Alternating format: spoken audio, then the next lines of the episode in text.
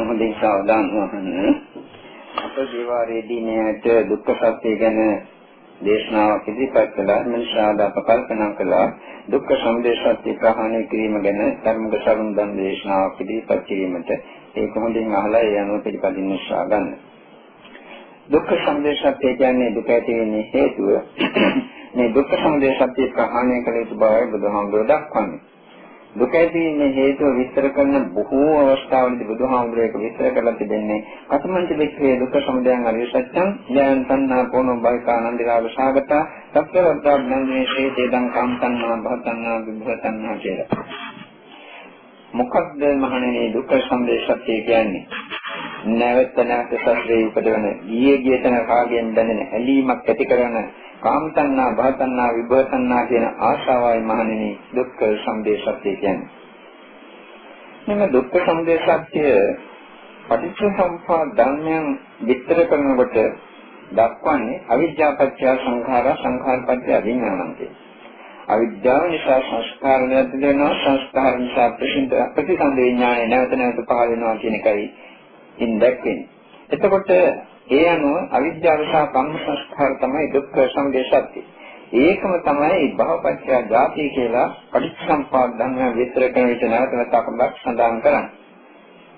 කම්ම භව නිසා ජාතිය තියෙනවා කියන එකයි ඒ අර්ථය. එම නිසා අවිද්‍යාව කම්ම සංස්කාර දුක්ඛ සමුදය සත්‍යයි. මේ කියපු සෑම එකක්ම නිවැරදි. සංහාව කිව්වත් අවිද්‍යාව කිව්වත් කම්ම සංස්කාර කිව්වත් ඒ ඔක්කොම දුක්ඛ සමුදය සත්‍ය තමයි. ඒ වුණාට ඒකෙන් ඉතාමත්ම වැදගත් වන්නේ නැත්නම් ඉතාමත්ම නිවැරදි වන්නේ අවිද්‍යාව දුක්ඛ සමුදය සත්‍ය වශයෙන් දක්වන එක. අවිද්‍යාව නිසා තමයි තණ්හාව ඇතිවන්නේ.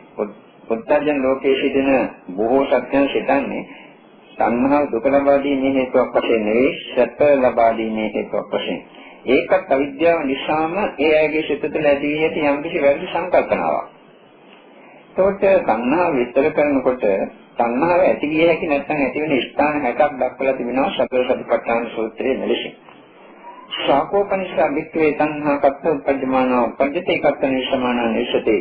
තන්ලෝකේ තීරූපං සාතරූපං එත්තේෂා තණ්හා උපජ්ජමානෝ පඤ්චතේ එත්තනේ සමානං නිසතේ. ඉන්ද ලෝකේ තීරූපං සාතරූපං එත්තේෂා තණ්හා උපජ්ජමානෝ පඤ්චතේ එත්තනේ සමානං නිසතේ. චක්කුන් ලෝකේ තීරූපං සාතරූපං එත්තේෂා තණ්හා උපජ්ජමානෝ පඤ්චතේ එත්තනේ සමානං නිසතේ. මෙන්න මේ ආදී වශයෙන් ඒ කර්ම බුදුරජාණන් වහන්සේ වදාළා තිබෙනවා. මේ ලෝකයේ ප්‍රිය වූ සාක්ෂි රූපෙන් යුක්ත වූ ඉතින් ශාත කියන්නේ තමාට සුඛාස්වාදයක් ලැබෙන මිහිරක් ලැබෙන යම් කිසි සතුටක් ලැබෙන දෙයකට. අන්න එවැනි යම් කිසි අරමුණක් තුළින් ආස්වාදයක් ලැබෙනවා නම් ඒවා තුළින් තමයි මේ විදිහට තණ්හාව ඇතිවන්නේ. ඒ අරමුණු මොනවද කියලා තමයි ඊළඟට ස්ථානයට බුදුරජාණන් වහන්සේ දක්වන්නේ චක්කුන් ලෝකේ තේ රූපං සාත රූපං ආදී වශයෙන්. ඇත්ත කෙරෙහි කෙනෙකුගේ සිත තුළ තණ්හාවක් ඇති වෙනවා. මේ ඇස සම්බන්ධව තණ්හාව ඇති වෙන ස්ථාන 10ක් තිබෙනවා. ඒකේ ඉතිරි 9 කියනවා නම් ඇහැට පෙනෙනවා රූප. මේ රූප කෙරෙහි තණ්හාවක් ඇති වෙනවා. ඇහැට රූපයක් පෙන්වනාට පස්සෙ චක්කු විඥානය පහළ වෙනවා. ඒ චක්කු විඥානය කෙරෙහි තණ්හාවක් ඇති වෙනවා. ඊළඟට මේ නිසා චක්කු සංපස්සේ ජනිත වෙනවා. මේ චක්කු සංපස්සේ තණ්හාව ඇති වෙන ස්ථානය. ඒ වගේම චක්කු සංපස්සේ නිසා චක්කු සංපස්සේ වේදනාව ගෙන දෙනවා. මේ වේදනාවට තණ්හාව ඇති වෙනවා. මෙතන ඔක්කොම කරුණු පහක්. ඊට අමතරව රූප සංඥා රූප සංචේතනා රූප විතක රූප විචාර රූප තණ්හා කියලා තවත් කොටස් පහක් තිබෙනවා. රූප සංඥා පිළිබඳව රූප විතක්ක පිළිබඳව රූප විචාර පිළිබඳව රූප සංචේතනා පිළිබඳව ඒ වගේම රූප තණ්හාව පිළිබඳව තණ්හාව තියෙනවා. මෙතන ඔක්කොම කරුණු 10ක් තිබෙනවා ඇස පිළිබඳව. මේ විදිහට තමයි කනනාශය දිව ශරීරයේ මනස කියන සිත ඉන්ද්‍රයන්ට ඒ ඉන්ද්‍රියන් සම්බන්ධයෙන් ආශාව තණ්හාව ජනිත වෙන එකක් ඒ ඉන්ද්‍රියන් අරමුණු හමු වන අරමුණු සම්බන්ධයෙන් තණ්හාව ඇති වෙන දෙක ඒ වගේම ඒ ඉන්ද්‍රියන් අරමුණු ගැටීම නිසා යම් කිසි නාම ධර්ම සමූහයක් ඇති වෙනවා නම් ඒ සෑම නාම ධර්මයක් පිළිබඳව තණ්හාව ඇති වෙනවා තුන. මෙලෙසින් හදාකාරයෙන් ඇති වෙන තණ්හාව බුදුරජාණන් වහන්සේ කෙටියෙන් දක්වනවා. ච තණ්හාකාය වේදිතබ්බා මහණේ තණ්හාවේ කොටස් හයක් තිබෙනවා ඒක දත යුතුයි කියලා. රූප තණ්හා, ශබ්ද තණ්හා, ගන්ධ තණ්හා, රස තණ්හා, පොට්ටබ්බ තණ්හා, ධම්ම තණ්හා වශයෙන් ඒවා හඳුන්වන්නේ. රූප දැකීමේ ආශාව, ශබ්ද දැකීමේ දැනීමේ ආශාව. රස දැනීමේ ආශාව, රස විඳීමේ ආශාව, කාය දැනීමේ ස්පර්ශ විඳීමේ ආශාව, මනසට දැනෙන විවිධ අරමුණු දැනීමේ ආශාව. මේ මේ අරමුණු ඒ අරමුණු තුළින් ලැබෙන ආශාව විඳ ගැනීමට තිබෙන කැමැත්ත රුචිය අභිරුචිය තමයි ආශාව වශයෙන් මෙහි දක්වන්නේ. මේදී මේ විදිහට ආශාවේ කොටස් හයක් දක්වා තිබෙනවා. මේ ආශාවම අපිට ඕන නම් තවත් ප්‍රභේදගත කරලා දක්වන්නට පුළුවන්. මේ රූප තණ්හා, විහය, කාම තණ්හා, භව තණ්හා, විභව තණ්හා කියන කොටස් වලින් වැඩි කරන්නට පුළුවන්. ඒ කියන්නේ රූප තණ්හාවක් ඇති වෙන්නත් පුළුවන් රූපයේ පිළිබඳ කාම තණ්හාවක් වශයෙන්.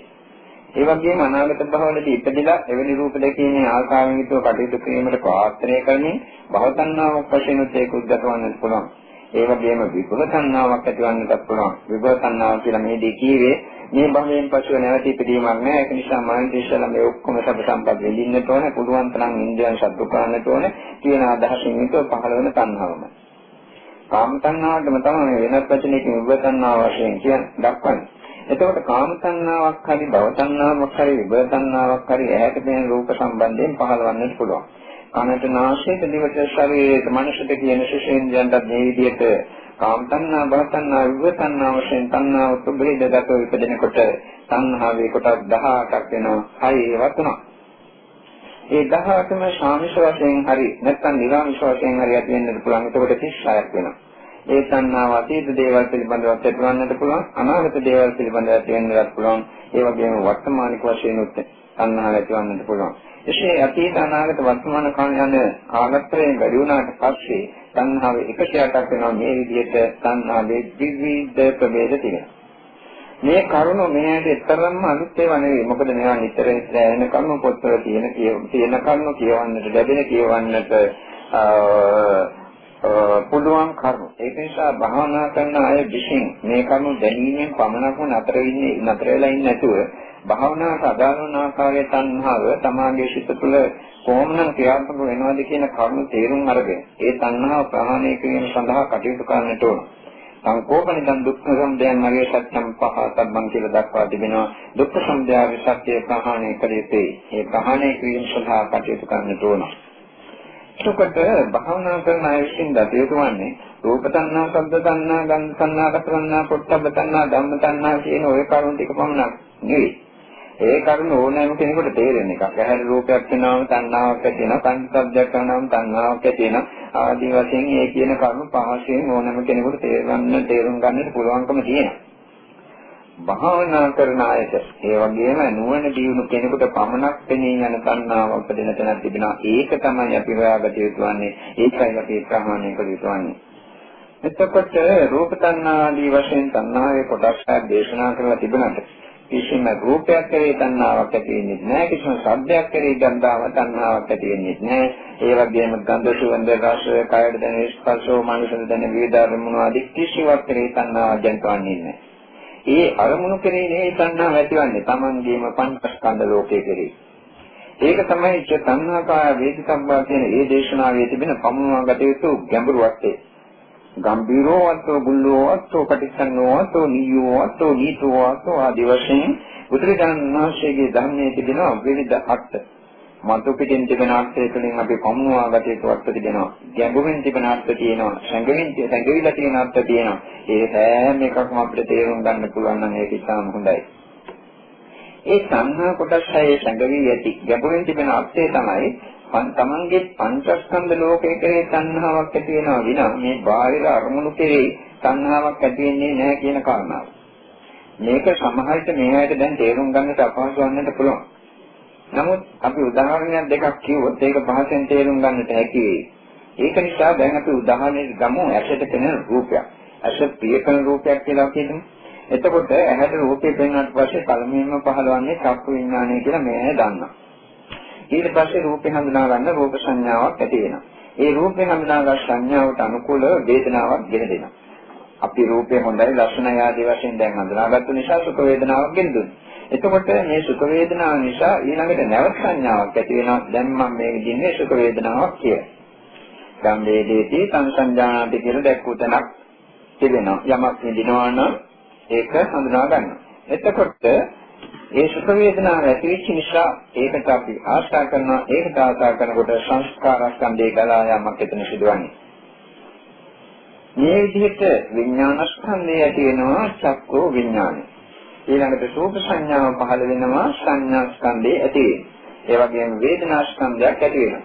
ඊට පස්සේ නැවත සංඥාවක් පහළ වෙනවා. ඊට අමතරව වේදනාව කෙරෙහි තණ්හාව ඇති වෙනකොට සංස්කාර ස්කන්ධය දැනිට වෙනවා. මෙතන නාම ස්කන්ධ හතරක් ක්‍රියාත්මකයි විඥාන ස්කන්ධය, සංඥා ස්කන්ධය, සංස්කාර ස්කන්ධය, විඥාන වේදනා ස්කන්ධය.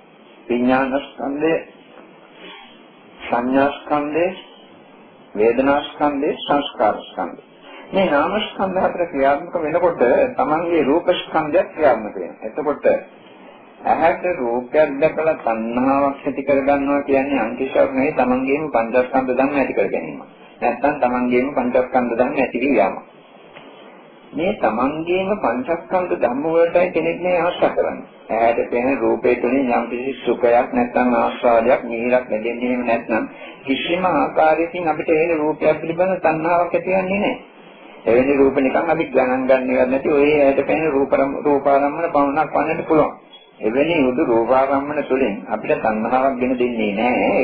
එතකොට තණ්හාව ඇති වීමට නම් ඒ අරමුණු තුළින් අපිට ආස්වාදයක්, නීරස සුඛයක්, ඒකෙන් යම් කිසි ප්‍රයෝජනයක් තිබෙනවා කියන හැඟීමක් ආදී එවැනි අදහස් පහළවන්නට ඕන. අපේ රූපේ හඳුනාගත්තේ යම් ආකාරයකින් නම් මේ ආකාරයට අනුව තමයි වේදනාව ගෙන දෙන්නේ. සුඛයක් විඳීමට අපිට ඕන නම් ඒ රූපය අපි හඳුනා ගන්නට ඕන සුඛයක් ගෙන දෙන ආකාරයකට. ඊට පස්සේ රූපය තුළින් අපිට සුඛාස්වාදය ලැබෙන්නටත් ඕන. එතකොට තමයි අපිට ඒ රූපේ කෙරෙහි ආශාවක් දැනෙන්නේ. මේ ඔක්කොම තමන්ගේ ශිත තුළ පහළ වෙන නාම ධර්ම. එතකොට තමන්ගේ සුඛාස්වාදයට මේ හැලෙන්නේ ඒක තේරුම් ගන්න හැබැයි බොහෝ දෙනෙකුට බෑ. නමුත් සුඛාස්වාදයේ ගෙන දීමට උපකාර වන රූපයට තමයි ලෝක සත්‍ය බොහෝ විට ඇලෙන්නේ. රූපයට ඇලෙනවා කියලා තමයි කල්පනා කරන්නේ. නමුත් එතන සිදුවන්නේ තමන්ගේම පංචස්කන්ධ ධර්මයන්ට තමන් හැලුම් කිරීමක් විතරයි වෙන දෙයක් නෙවෙයි. දැන් අපි හිතමු කනට ශබ්දයක් වෙනවා කියලා. ශබ්දය එනකොට ශබ්දේ නොවේ ශබ්ද වශයෙන්ම අපි එළුම් කරන්නේ. ඒ ශබ්දේ නිසා ශෝත විඥානය ඇති වෙනවා. ශබ්ද සංඥා ඇති වෙනවා. ඊට පස්සේ ශබ්ද සංඥා නිසා වේදනාවක් ගෙනෙනවා. ඒ වේදනාව නිසා නැවත සංඥා පහළ වෙනවා. මේ සංඥා වේදනා කියන දෙක එකිනෙකට අත්හැර බැඳෙනවා වගේ නිරන්තරයෙන්ම ක්‍රියාත්මක වන ධර්මතාවය එකක්. අනිත් අතින් විඥාන සංඥා වේදනා සංඛාර කියන නාමස්කන්ධ ධර්ම හතර එකටම එකදලා එකටම ගමන් කරනවා වගේ තේරෙන්නේ. පැහැදිලිව වෙන වශයෙන් තේරුම් ගන්නට බැරි තරමටම වේගවත් එකට ක්‍රියාත්මක වෙනවා. ඒක නිසා ඊටා ගැඹුරු ප්‍රඥාවක් තියෙන ඊටා ගැඹුරු සමාධියක් තියෙන විනිවිද දක්නා ප්‍රඥාවක් තියෙන කෙනෙකුට විතරයි මෙහිදී සිදුවෙන ඒ ඒ විවිධ ස්කන්ධයන්ගේ ක්‍රියාදාමයන් මෙලෙසින් සිදු වෙනවා කියලා පැහැදිලි දශ අත්දකින්නට පුළුවන්කම ලැබෙන්නේ. මේ ඇයි දැන් මේක අත්දකින්නට නොහැකි වුණා. අඩු වශයෙන් තේරුම් ගන්නටවත් පුළුවන් වෙන්න තෝරන ශබ්දයේ පිළිබඳ ඇති සංඥාව නිසා ස්පර්ශාදයක් ගෙන දෙනවා කියලා. දැන් උදාහරණයක් වශයෙන් මේ අය තා මිහිරි කැමැති ආශා කරපු සින්දක් ඕන නම් ගෙදරට ගියාට පස්සේ ආහා ඉන්නේ. ඊට පස්සේ ඒකේ තිබෙන මේක මිහිරි මිහිරි කියන අදහස අයින් කරලා මෙතන තියෙන්නේ නිකං ශබ්ද මාත්‍රයක් ඒ පිළිබඳ ඇතිවෙන දැනීම් මාත්‍රයක් පමණයි කියලා අවබෝධ කරගෙන බලන්න. එතකොටම ඒ ආශාදේ නැතිලා යනවා. අපෙන් උපදේශකතු කීප දෙනෙක්ම අපට ප්‍රකාශ කළා ඉස්සර ඇලි ඇලි හිටපු සින්දුව ඇහෙනකොට ස්වාමීන් වහන්සේ දැන් කිසිම ගාණක් නැහැ කියලා. ශබ්දයේ තුලින් ආශාවක් ගෙන දෙනවා නම් ශබ්දයේ කවදාසුවත් ආශාවක් ගෙන දෙන්න ඕන. තමන්ගේ සිතේ තිබෙන ඒ මනෝපරිචාර ධර්මයන්ගේ ක්‍රියාදාමයේ මත තමයි ආශාව ජනිත වන්නේ.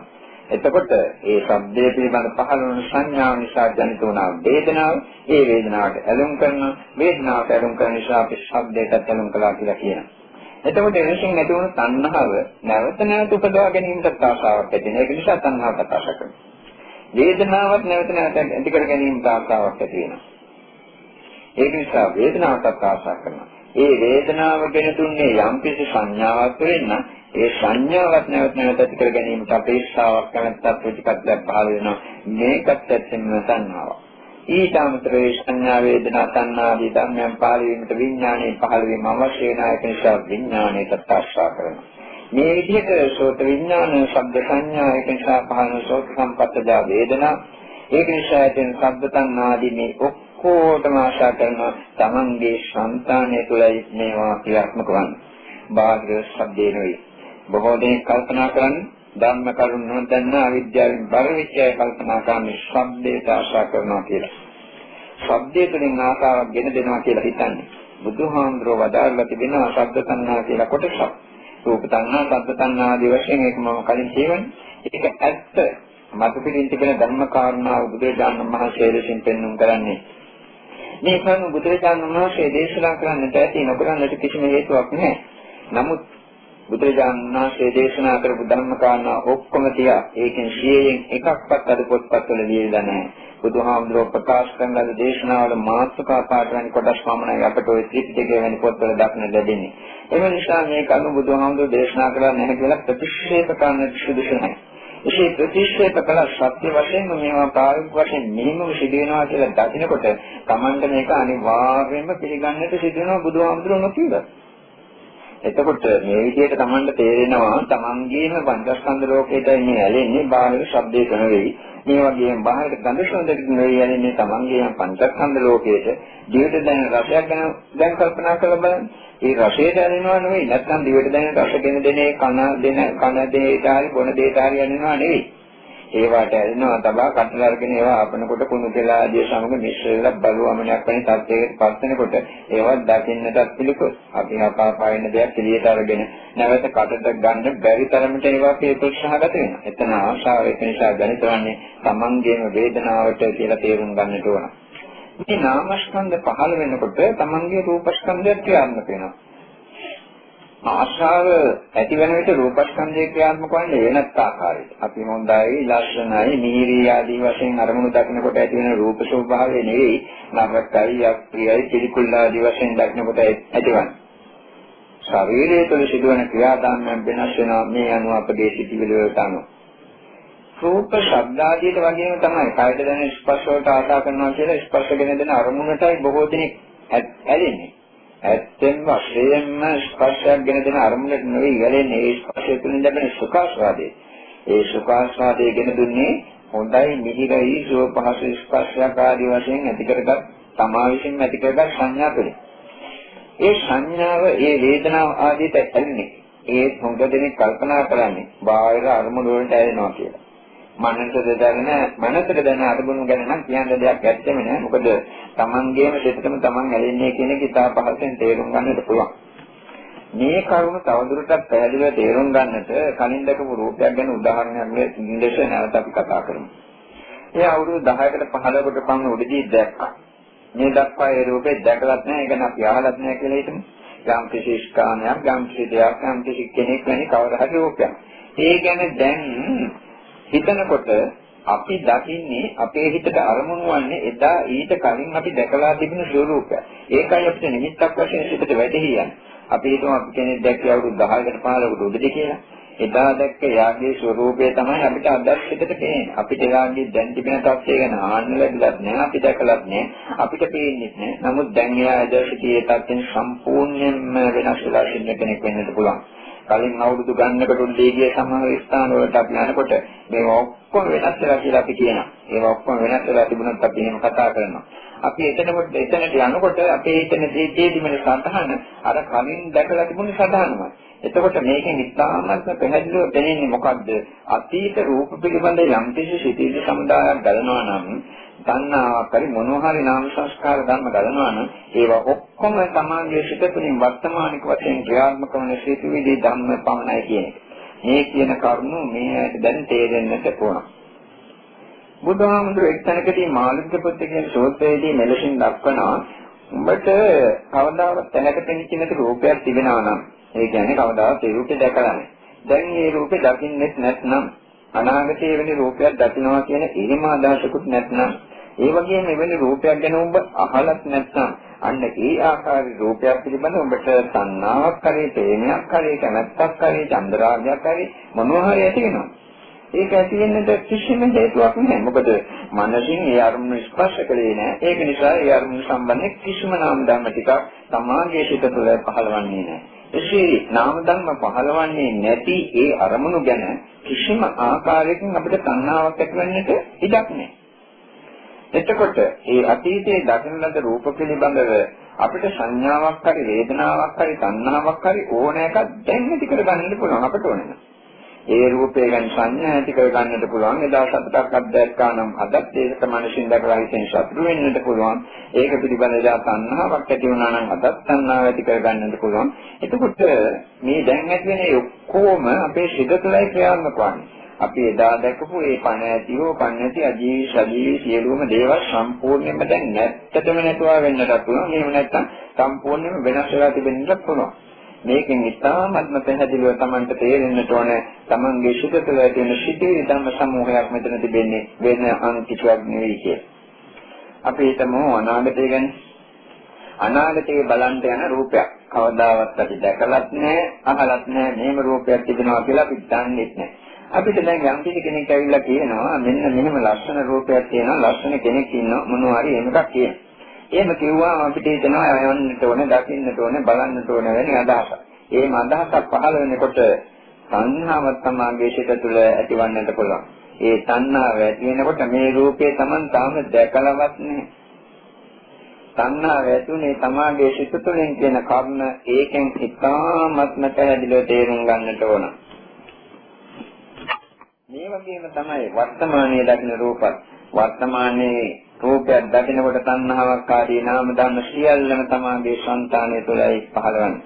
දුක්ඛ සමුදය සත්‍ය බාහිර රූප තුළ නොවේ තියෙන්නේ.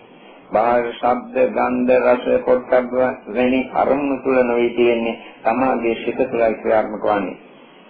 මේ කාරණාව ඉතාමත්ම පැහැදිලිව තේරුම් ගත යුතු එකක්.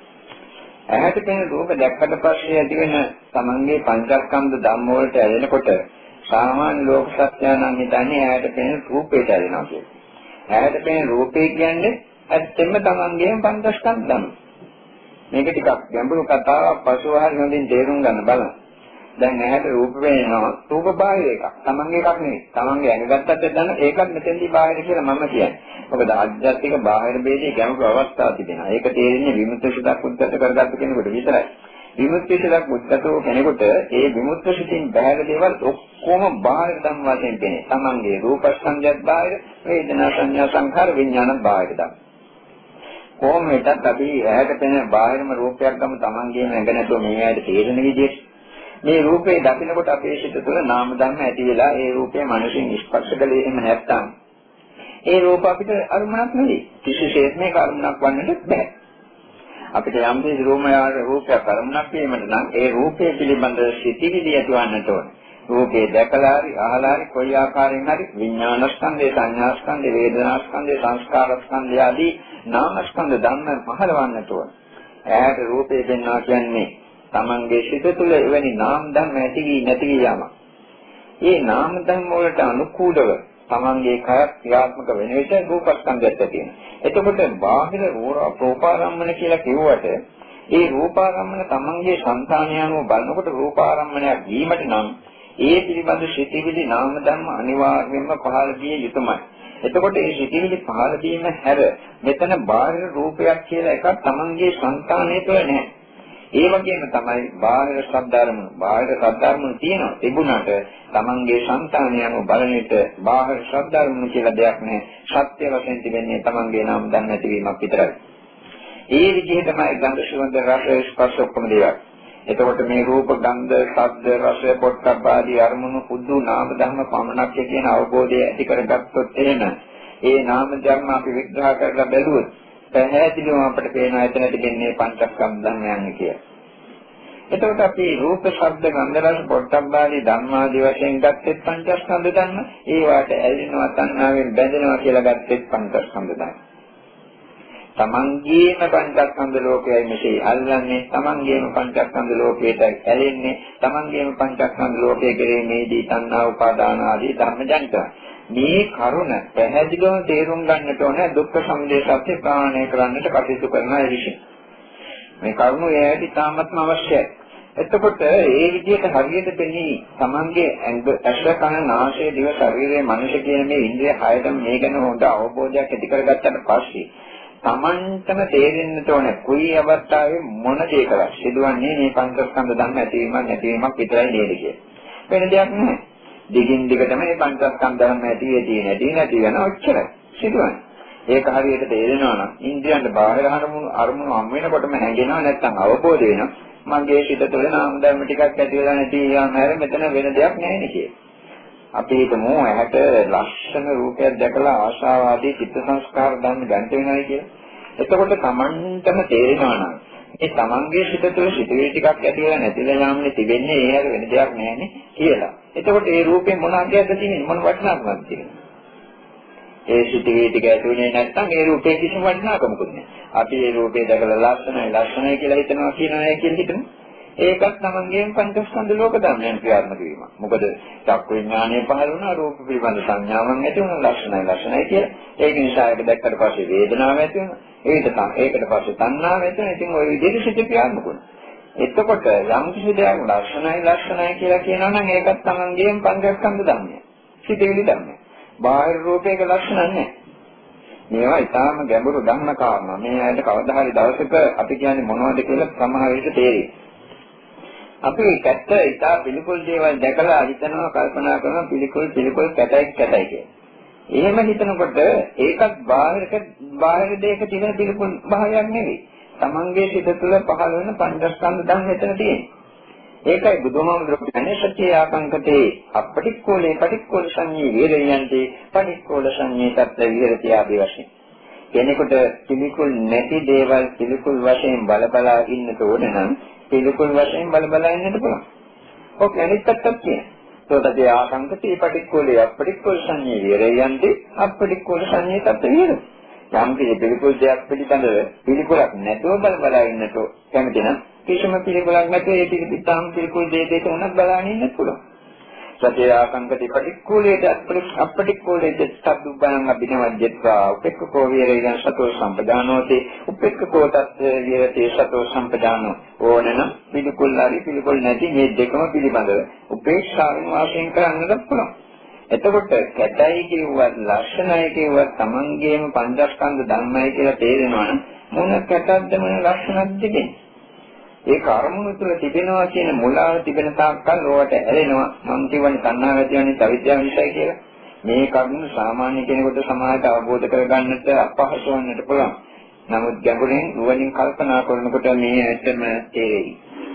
එතකොට මේ විදිහට රූපාදී විවිධ අරමුණු ගැන Taman කොයි ආකාරයෙන් හරි සිතිවිලි ඇති කරගත්තත් ඒ ඔක්කොම Tamanගේම පංචස්කන්ධ ධම්ම විතරයි කියලා තේරුම් ගත යුතුයි.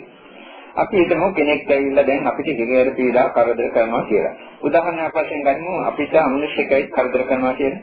අපි හිතනවා මේ මගේ අහවලා කරදර කරනවා, අහවලා කරදර කරනවා, මේ අමනුෂ්‍යයා කරදර කරනවා කියලා. එතන සම්පූර්ණයෙන් මුලාවක් තිබෙනවා. එතන තිබෙන්නේ තමන්ගේම පංචස්කන්ධ ධර්ම ඇතිවීමක් නැතිවීමක් විතරයි. තමන්ගේ නෑදෑයෙක් කියලා කරදරනවා කිය කරදර කරනවා කියලා අපි උදාහරණයක් ගත්තේ. එහෙම කරදර කරනකොට දුක්ඛ සහගත කාය විඥානය පහළ වෙනවා. එතකොට මේක දුකක් කියන හැඟීමක් ඇති වෙනවා. ඒ වගේම සංඥාවක් ඇති වෙනවා මේ මගේ අහවලා අහවලා ආදී වශයෙන්.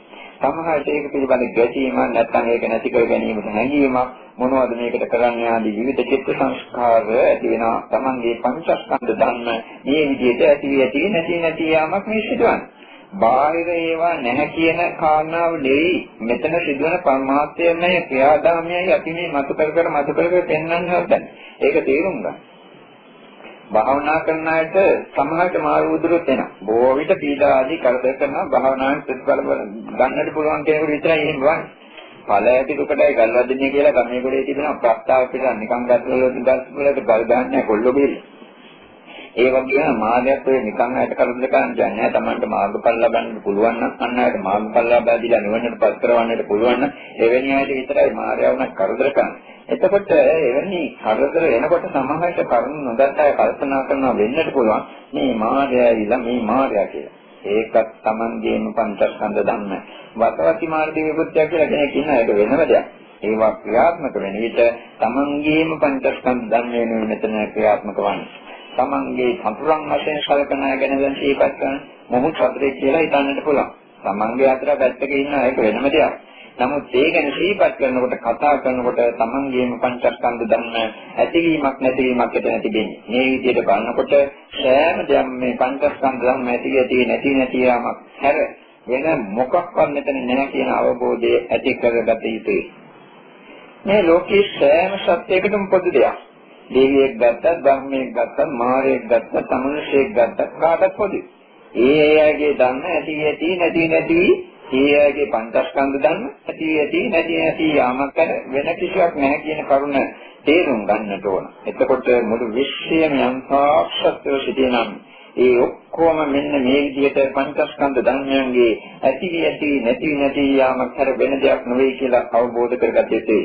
මොකදද මේ සංහාව ප්‍රහාණය කිරීම සඳහා දුක්ඛ සමුදය සත්‍ය ප්‍රහාණය කිරීම සඳහා අපි මේ කියන්නේ දුක්ඛ සමුදය සත්‍ය ප්‍රහාණය කිරීමේ ප්‍රායෝගික ක්‍රියාදාමයක් ප්‍රායෝගික ක්‍රමයක්. මේ විදිහට තේරුණාට පස්සේ තණ්හාව ප්‍රහාණය කිරීම සඳහා කරන්නට තියෙන්නේ දැන් පංච සුපාදානස්කන්ධයේ දෙයක් ගන්න පස්සේ විහෙරති පංච උපාදානස්කන්ධයේ ඇතිවීම නැතිවීම බල බලා බල බලා වාසිය කිරීම. ඒවා අනිත්‍ය අනිත්‍යයි කියලා හිතනවා නෙවෙයි. හිත හිතා ඉන්නවා නෙවෙයි. මේ පංචස්කන්ධ ධර්ම අනිත්‍ය යන විට අනිත්‍යයට යන බව දකිනවා නිරුද්ධ වී යන විට නිරුද්ධ වී යන බව දකිනවා ඒ ඒ ශ්‍රණයෙන් ඇති වී ඇති වී නැති වී නැති වී යන ආකාරය දැක දැක දැක දැක ඉන්නවා උදාහරණ වශයෙන් අපි හිතමු ආනාපානසති භාවනා කරනවා කියලා. ආස්වාස කරනකොට ආස්වාස සම්බන්ධ මුළු කයම ඇති ඇති නැති නැති යන.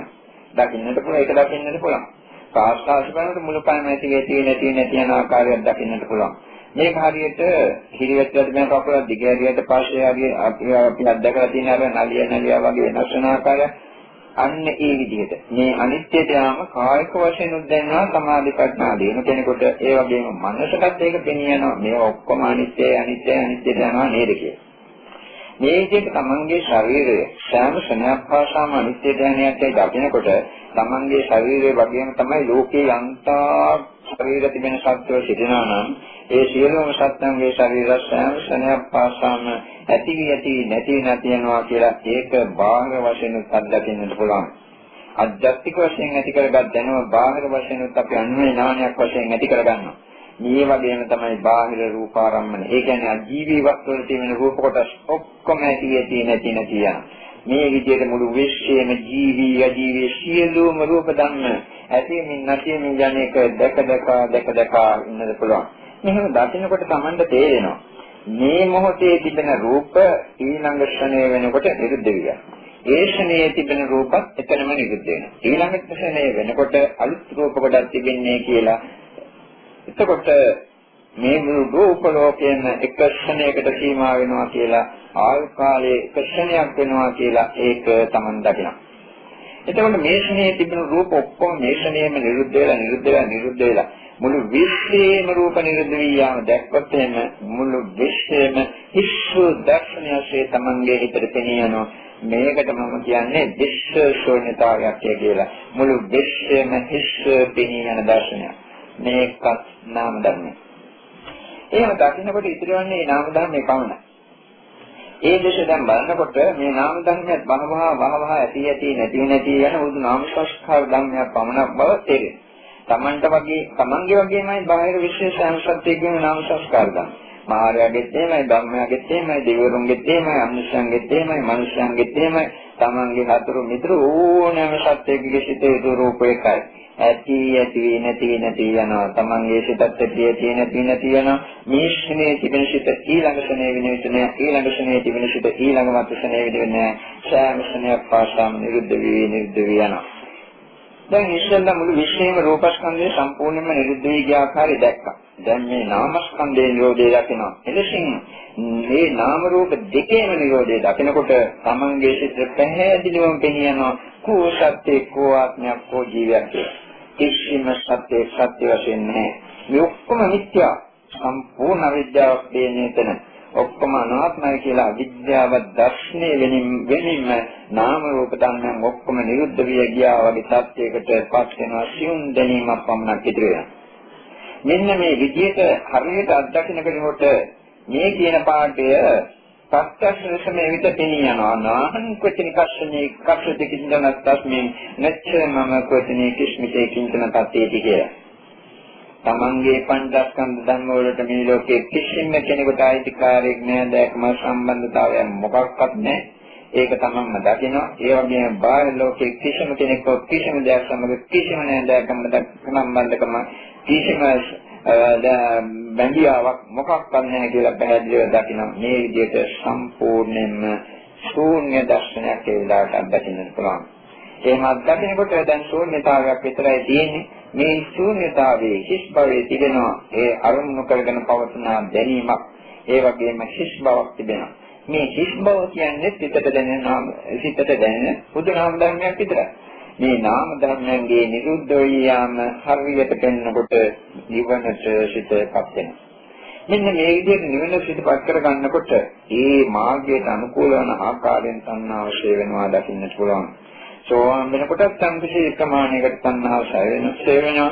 සකදාගාම වෙනකොටත් එහෙමයි අනාගාම වෙනකොටත් එහෙමයි රහත් වෙනකොට තණ්හාව සම්පූර්ණයෙන්ම ශේවි යනවා. සෝවාන් වෙනකොට සක්කාය දිට්ඨි විචිකිච්ඡා සීලබ්බත පරාමාස කියන සංගෝල ධර්ම ශේවි යන බව මෙයා දන්නවා. මේ හා සම්බන්ධව පහළ වෙන තණ්හාවත් එතකොට නිරුද්ධ වෙනවා. ඊළඟට සකදාගාම වෙනකොට කාමරාග පටික කියන සංගෝල ධර්මයන් තුනී වෙන නිසා ඕලාරික කාමරාග පටික සම්බන්ධයෙන් පහළ වෙන තණ්හාව එවිට නැති වෙනවා. ඊළඟට අනාගාමී වුණොත් කාමරාග පිටික සම්පූර්ණයෙන්ම ප්‍රහීන වෙනවා. ඒ කාමරාග පිටික සම්පූර්ණයෙන්ම ප්‍රහීන වෙන විට ඒ පිළිබඳ සංහාව සම්පූර්ණයෙන්ම ශේවි යනවා. රහත් වෙනකොට රූප රාග රූප රාග වශයෙන් නාමස්කන්ධය හා රූපස්කන්ධය කෙරෙහි පවත්න ඇලීම ඇතුළු විවිධාතු පතර දෙදී දෙදී තණ්හාව සම්පූර්ණයෙන්ම නිරුද්ධ වෙනවා. තණ්හාව නිරුද්ධ වීමට නම් මේ විදිහට ප්‍රායෝගික වශයෙන් භාවනාවෙන් දියුණුවක් ලබන්නට ඕනේ. මෙලෙසින් දිනුවක් ලැබලා අදුම වශයෙන් පහළ මට්ටමින් හරි තණ්හාව ප්‍රහාණය කරපු කෙනෙකුට තේරුම් ගන්නට පුළුවන් ශක්තිය තිබෙන්නට ඕනේ කොහොමද තණ්හාව තුළින් නැවත නැවත දුක ගෙන දෙන්නේ කියන කරුණ. සාමාන්‍ය පුත්තජන ලෝක සත්‍යය මේ කිසිවක් දන්නේ ඒක නිසා රූප, ශබ්ද, ගන්ධ, රස, පොට්ටබ්බ ධම්ම කෙරෙහි ඇලෙනවා. තමන් රූපයේ කෙරෙහි තමන්ගේ රූපයේ කෙරෙහි ඇලෙනවා, බාහිර දෙය කෙරෙහි ඇලෙනවා, බාහිර ලෝකයක් අල්ලා ගන්නවා, තමන්ගේ පංචස්කන්ධ ලෝකයක් අල්ලා ගන්නවා. මේවා උපාදාන කරනවා. මමය මගේ කියලා අල්ලාගෙන බදාගෙන කටයුතු කරනවා. ඒ කටයුතු කරන ගමන් කායික ක්‍රියා කරනවා, වාචික ක්‍රියා කරනවා, මානසික ක්‍රියා කරනවා. උදාහරණ වශයෙන් එහෙම රූපයක් දැක තණ්හාවක් ඇති වුණාට පස්සේ කායික ක්‍රියා කරන්නත් පුළුවන්, වාචික ක්‍රියා කරන්නත් පුළුවන්, මානසික ක්‍රියා කරන්නත් පුළුවන්. මේවා විස්තර කරන්න අවශ්‍ය නැහැ. ඇතිවෙන තේරෙන සරල කරුණු. ඒ වගේම අනිත් ඉන්ද්‍රයන්ට අරමුණු වුණාට පස්සේ ඒ ආකාරයෙන් කටයුතු කරනවා. එතකොට මේ විදිහට සංස්කාර ස්කන්ධ ධම්ම ඒ සංස්කාර ධම්ම ගලා යාමක් පිළිගන්න. මේකට අපි කලින් දුක්ඛ සත්‍ය ගැන කතා කරලා දුක්ඛ සත්‍ය ගැන රහත් වූ සම්පූර්ණ අවබෝධයක් නැහැ. ඒක නිසා දුක්ඛේ අඥානං ඒ දුක ගැන දැනීමක් නැති ඒ අවිද්‍යාවත් දුක්ඛ සමුදය ඥානං දුක්ඛ සමුදය වශයෙන් මේ දක්වෝ කරුණ ගැන නොදක්නව නැත්නම් ඒ අවිද්‍යාවත් රහත් වූ වෙච්ච නැති කෙනෙකුගේ සිත තුළ ක්‍රියාත්මක වෙන නිසා මරණ මොහොතදී මම මගේ කියන හැඟීම ඒ අය සම්පූර්ණයෙන් අයින් කරලා නැහැ. මම ඉන්නවා මගේ ආත්මයක් තියෙන හැඟීම තමයි තියෙන්නේ. භවයේ රැඳී සිටීමේ ආශාව සම්පූර්ණයෙන් අයින් කරලා නැති නිසා භව ආශාව සිත තුළ තියෙනවා. බාහිර ලෝකයක් Tamanගේ පංචස්කන්ධ ලෝකයක් උපාදාන කරගෙන අල්ලාගෙන සිටින උපාදානයක් සිත තුළ ක්‍රියාත්මක වෙනවා. ඊට අමතරව කුසල අකුසල කර්ම සංස් කරලා තියෙනවා ඒවා උපාදාන කරගෙන සිටිනවා. හිත තුළ නිරායාසයෙන් සිටිවිලි කරා යාමේ සත්‍යයක් තිබෙනවා. මේ ආදී ඔක්කොම කරුණු තියෙන නිසා මරණ මොහොත වෙනකොට භවයේ රැඳී සිටීමේ භව ආශාව ප්‍රධාන වශයෙන් තිබෙනවා. පංචස්කන්ධ ලෝකයටම ඇලිලත් බැඳිලා උපාදාන කරගෙන සිටින්නේ. මේක නිසා මරණය සිට නිරුද්ධ වෙනකොට ප්‍රතිශිතයට පසු මරණයට පෙර ශ්‍රණයේ පැවති කර්ම විඥාණයට අනුව ඊළඟ සිට ඊළඟ භවයේ ගිහිල්ලා පහළ වෙනවා. ඊට පස්සේ ඒ සංසාරික දුක් ඔක්කොම විඳින්නට තියෙනවා. නැවත නැවත ඉපදෙන ඉපදෙන වාරයක් වාරයක් ගානේ නැවත නැවත සංසාරික දුක් උකට දකින්න සිදුවෙනවා. මේ විදිහට තණ්හාව තුළින් දුක්ඛ සමුදය සත්‍යයෙන් මෙලෙසින් ජනිත වෙනවා කියන කරුණ දකින්නට පුළුවන්. මෙහිදී පැහැදිලිවම තේරෙන්නේ තණ්හාවට වඩා අවිද්‍යාව. අවිද්‍යාව තුළින් තණ්හා ක්‍රියාත්මක වන ආකාරය වෙන කෙනෙකුට අත්දකින්නට පුළුවන්. රහත් වූ කෙනෙකුට නම් මේක ඊට වඩා ගැඹුරින් දකින්නට පුළුවන් ශක්තිය තිබෙනවා. රහත් වෙච්ච කෙනෙකුට තියෙනවා විමුක්ති සිත. ලෝකෙ ඔක්කොම දේවල් අතහැරලා තියෙන්නේ. මේ පංචස්කන්ධ ලෝකේ සම්පූර්ණයෙන් නැති ගියාම තරම් මුතුන් දෙයක් එවැනි කෙනෙකුට නැහැ. කොයි ලෝකේ කර්මී නාම රූප ධර්මයන් පහළවන්නට සුදුසු නැහැ මේවා අත්හැරිය තියෙන්නේ නැති වී කියන හැඟීමයි ඒ ආයේ සිත තුළ වෙලා තියෙන්නේ. එතකොට වෙන අයෙකුට මේ ඔක්කොම දේවල් සිතින් අතහරින්න එක්කෂණයකින් පුළුවන්කම ලැබෙනවා. සියල්ලම මම අතහරිනවා කියලා සිතනකොටම විමුක්තිය සුදුද්දට වෙනවා. එවැනි කෙනෙක් මරණයට පත් වෙනකොට තමන්ගේ සිත තුළ මම කියන හැඟීම නෑ, මගේ කියන හැඟීම නෑ. ඒ සියල්ලම කෙරෙහි තියෙන ආශා සම්පූර්ණයෙන්ම නැති කරලා දෙනවා. ඔබට පැහැදිලිවම තේරෙනවා තමන්ගේ මේ ඇඟ ශාසිතේ පැවැත්ම ඒ වගේම මුත්‍තිසිතේ පැවැත්ම පවතින අතීතයේ ගන්නද පොණම් භවය ගැන දුන් කර්ම ශක්තිය සහ මේ පණ ටික පවතින නිසා බව. මේ ප්‍රාණය කර්මය කවදා පොදස ස්වභාවයක් වශයෙන් මෙන්න මෙලෙසින් නිරුද්ධ වෙනවා. මෙලෙස නිරුද්ධ වෙනකොට මේ සිත සම්පූර්ණයෙන්ම නිවි යනවා. ඒ නිවි යනකොටම මේ අවස්ථාවේ තමා අත්දකිනවා නම් යම් කිසි නිවනක් ඒ නිවන අත්දකින්නටත් දැනීමක් තිබෙන්නට ඕන මේ සිත සම්පූර්ණයෙන් නිවුණාට පස්සේ ඒ නිවනක් නිරුද්ධ වෙනවා. එතකොට ලෞකික ලෝකෝත්තර කියන ලෝක දෙකම සබාගෙන හැදෙනවා. මෙන්න මේ தත්ත්වය දකිනකොට මුළු ශරීරෙම සම්පූර්ණයෙන් සීතල වෙලා යන සීතී භූතෝස් මිනිබුතෝ එවැනි කෙනාට පැහැදිලිවම තේරෙනවා තමන්ගේ ශරීරයත් අතහරිනවා බාහිර ලෝකයක් සම්පූර්ණයෙන් අතහරිනවා නිවනත් අතහරිනවා. කුමක්ද මම උපාදාන කරන්නේ? උපාදාන කරන්න කිසිවක් නැහැ. තමන්ගේ සිත තුළ කිසිම උපාදානයක් නැහැ නේද කියන කරුණ පැහැදිලිවම පෙන්වනවා.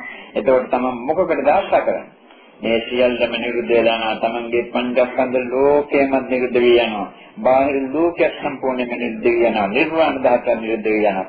මොනවා වගේ ආශාවක් තියෙනවා යෝතස්සායව තණ්හා ශේෂ විරාගින්දෝ දෝචාගෝ පටිනිස්සග්ගෝ මත්‍යානාලියෝ මේ ආශාවේ යම් මාත්‍රයක්වත් නැතුව ශේෂ මාත්‍රයක් කල්ප මාත්‍රයක්වත් නැතුව සම්පූර්ණයෙන්ම දැන් නිරුද්ධ වෙලා ඇති බවට තේරෙනවා. එහෙම තේරෙනකොට මෙතනින්ම මේ නාම ධර්ම නැවත නූපදන ආකාරයෙන්ම නිවි යන බව දකිනවා. මෙතන රහත්ෝ කෙනෙක් මරනවා නෙවෙයි, තමා මරනවා නෙවෙයි, තමාගේ ආත්මයක් මරනවා නෙවෙයි. දුක්ඛ සත්‍ය දුක්ඛ සමුදය සත්‍යයෙන් වෙන වෙනවා. ඒකයි සිදුවන්නේ. දුක්ඛ සත්‍යයෙන් දුක්ඛ සමුදය සත්‍යයෙන් වෙනවා. ඊට පස්සේ නැවත දුක්ඛ සමුදය සත්‍ය ක්‍රියාත්මක වන්නේ නැහැ දුක්ඛ සත්‍යයක නිසා දැනතවන්නේ නැහැ නැවත ඉපදීමක් නැති වෙනවා. ඒ නිසා වෙන කෙනෙකුට රහත්ෝ කෙනෙක් මරනවා කියන හැඟීමක්වත් නැහැ රහත්ෝ කෙනෙක් මරණ පස්සේ උපදිනවද නැවත උපදින්නේ නැද්ද? ආදී කියන හැඟීමකුත් එන්නේ නැහැ මොකද මෙතන මැරෙන්නේ ඉස්සෙල්ලා පහත්ව කෙනෙක් නෑ. මොකද අන්දස්කන්ධ ධර්මයන්ගේ කාරණා විතරයි තියෙන්නේ. විමුක්ති සිතක් තියෙනවා. ඒකත් දැනීම මාත්‍රයක්. ඒකත් විඥාන ස්කන්ධයට ඇදහන්නේ. රාහත්ව කෙනෙක් කියලා කියන්නට හිතන්නට කෙනෙක් නෑ, සත්‍යයක් නෑ, පුද්ගලයෙක් නෑ. තමා රහත්ව කෙනෙක් ගැන හැඟීමක්වත් නෑ. මානයක් වෙන්න ගෑවෙන්න දෙයක් ඇත්තෙම නෑ. ඒ නිසා මරණයට පස්සේ කොහොමවත් රහතන් වහන්සේ කෙනෙක් මරණය දෙන්නම පැවයි කියන්නට දෙයක්වත් නෑ. ඒ தත්ත්වය හරියට පැහැදිලිව Tamanට තේරෙනකොට Tamanගේ ජාතිය ශ්‍රේවී යන ආකාරය දකිනවා. ඒ වගේම ලෞකික ලෝකෝත්තර දෙකම කඩාගෙන හැදෙනකොට නැති යන ආකාරය තේරෙනකොට අනුපාදාමී උපාදාන සම්පූර්ණයෙන්ම විගලිත ආකාරය තමයි තේරෙනවා. ඒ වගේම වෙන කෙනෙකුට පැහැදිලිවම තේරෙනවා යෝතස්සාය තණ්හාශේෂ විරාග නිරෝධෝ මේ තණ්හාවේ ශේෂ මාත්‍රයක් වන්නතුව සම්පූර්ණයෙන්ම නිරුද්ධුණායි කියන කරුණ. එනි කෙනාට මේ තමන් මරනවා නැත්නම් රහතන් වහන්සේ කෙනෙක් මරනවා කියන කතාව නෙවෙයි තියෙන්නේ. මෙතන තිබෙන්නේ පහනක් දෙනවා පහන වෙනවා කියනවා වගේ. බුදුහාමුදුරුවෝ කියලා තියෙන උපමා. නිදියාම. දුක්ඛ සත්‍යයෙන් දුක්ඛ සමුදය සත්‍යය ඇත්තීම සිදුවන්නේ. එවැනි කෙනෙකුට එයින් එහාට කරන්න දෙයක් නැහැ කියන කරුණ පැහැදිලිවම අවබෝධ වෙනවා. සීනා, ಜಾති, ಜಾති, ශේකලා, කුසිතම් ධම්මචරයන් ධම්මචාරී ජීවිතේ නිමතලා කසංකරණයන් කළ සිට දේකලා නාතනං මිත්තත්තාති පදානාති නිත්‍යවසෝ කරන්න දෙයක් නැහැ කියන එක ඉතා පැහැදිලිව අත්දකිනවා. පදානාති කියන්නේ කල්පනා කරනවා නෙවෙයි පැහැදිලිවම අත්දකිනවා.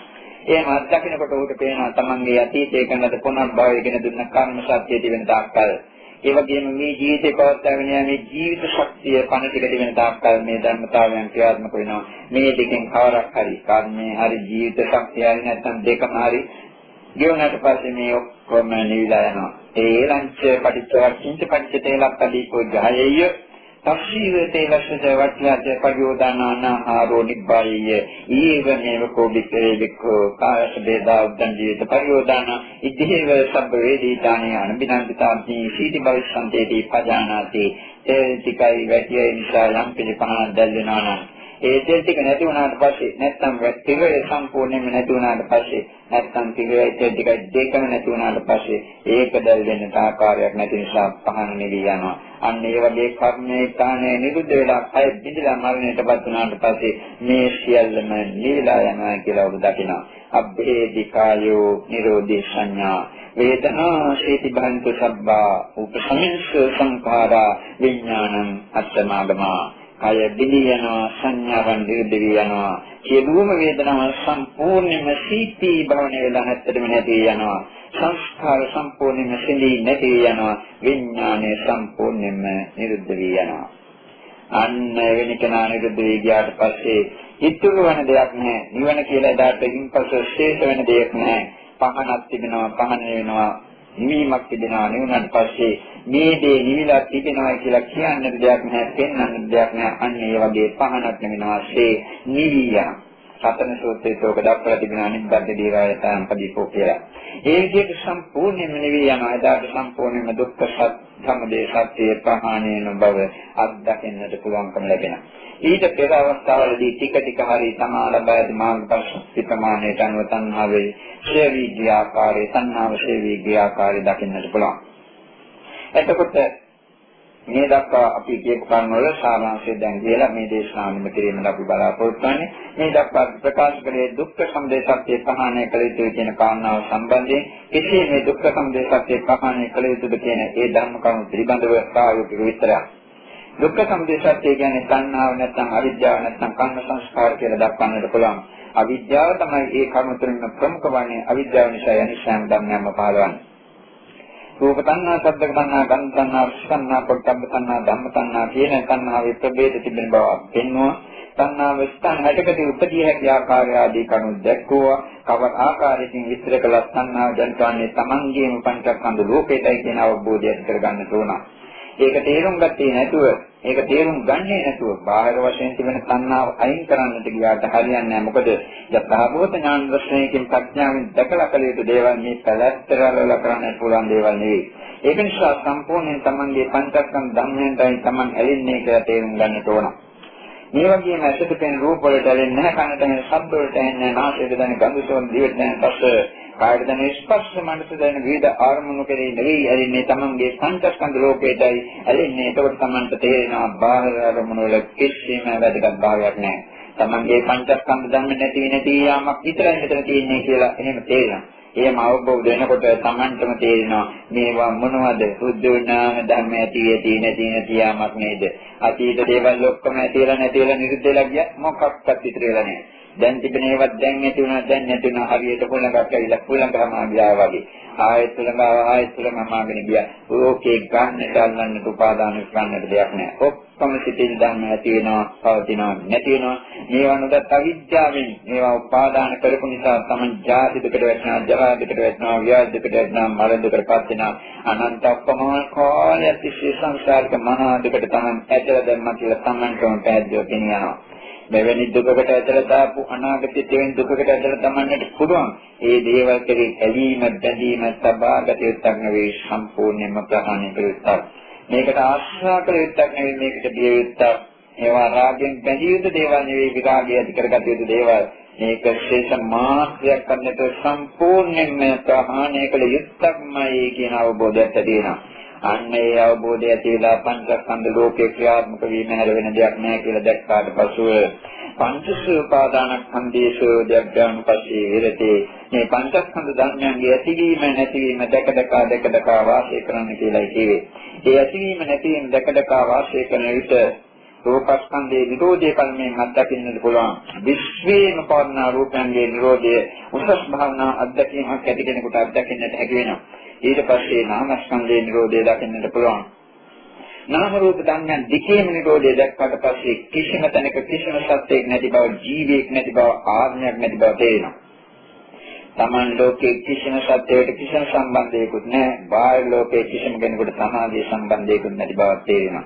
ලෝක සත්‍යයන් මුලාවෙන් අවිද්‍යාවෙන් හැවිතලා කුසල අකුසල සංස්කාර ගැස් කරගෙන භවයෙන් භවයට යන ආකාරය දකින පොහුට පෑදිනවා තේරුම් ගන්නට පුළුවන්කම ලැබෙනවා මේ තණ්හාව නිසා විශේෂයෙන්ම විද්‍යාව නිසා නැවත නැවත ඉපදී ඉපදී යන්නේ මෙන්න මෙහෙමයි කියලා.